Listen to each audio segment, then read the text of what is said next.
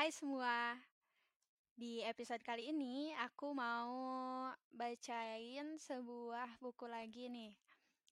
Em, buku ini adalah hadiah dari teman aku, Azkia.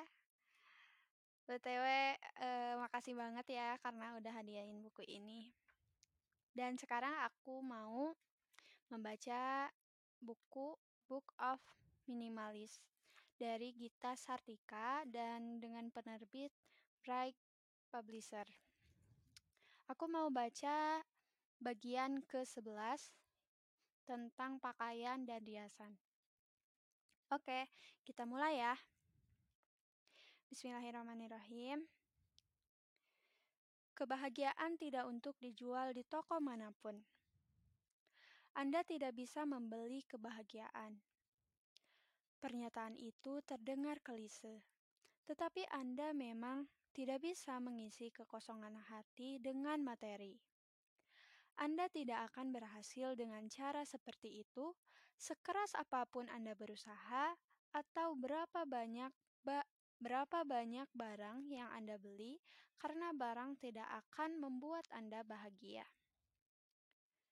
Barang hanya akan menenangkan Anda untuk sementara saja. Bahkan, barang justru mampu menghancurkan hidup Anda. Akibatnya, Anda merasa kosong, tertekan, dan sendirian di antara lautan barang-barang material. Dulu Anda berpikir akan sukses karena memiliki pekerjaan yang bagus dan dibanggakan oleh teman dan keluarga Anda. Anda pikir rumah dengan terlalu banyak kamar tidur akan membuat Anda terlihat lebih sukses. Begitu juga dengan mobil mewah, pakaian yang mahal, jam tangan yang bagus, TV layar lebar, dan semua ornamen dunia material.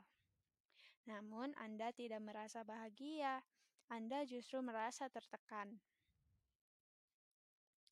Anda membeli lebih banyak barang, dan ketika itu tidak berhasil, Anda menyadari bahwa Anda harus melakukan sesuatu yang lain di dalam kehidupan Anda.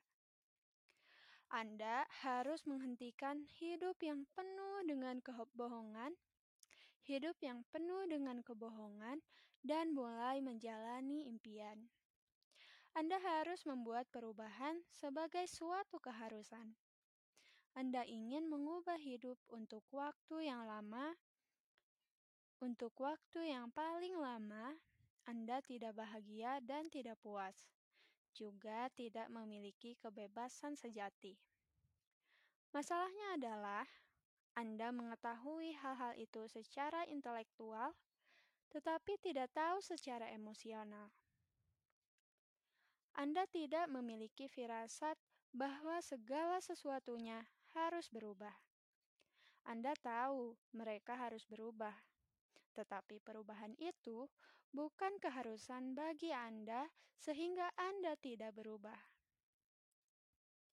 Anda harus mulai mengubah keharusan.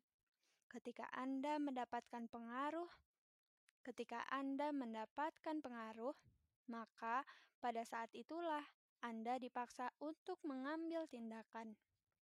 Jadi, keputusan bukanlah keputusan nyata sampai keputusan itu sampai keputusan itu menjadi suatu keharusan bagi Anda.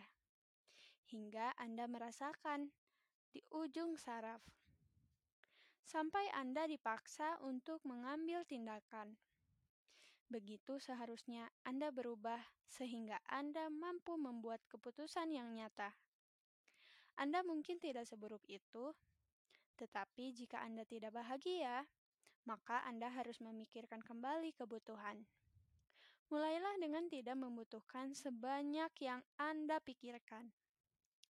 Mulailah dengan tidak membutuhkan sebanyak yang Anda pikirkan. Pertimbangkan orang-orang kurang mampu yang tidak menggunakan produk perawatan sama sekali, kecuali sabun, kecuali sabun jika mereka beruntung dan hampir tidak memiliki pakaian. Anda tidak perlu hidup seperti orang miskin, tetapi Anda harus memiliki kemampuan untuk mendapatkan hanya yang Anda butuhkan. Ini soal menemukan keseimbangan agar Anda bisa hidup nyaman tapi tidak berlebihan. Oke, sekian dulu untuk episode kali ini. Sampai jumpa di episode berikutnya. Dadah.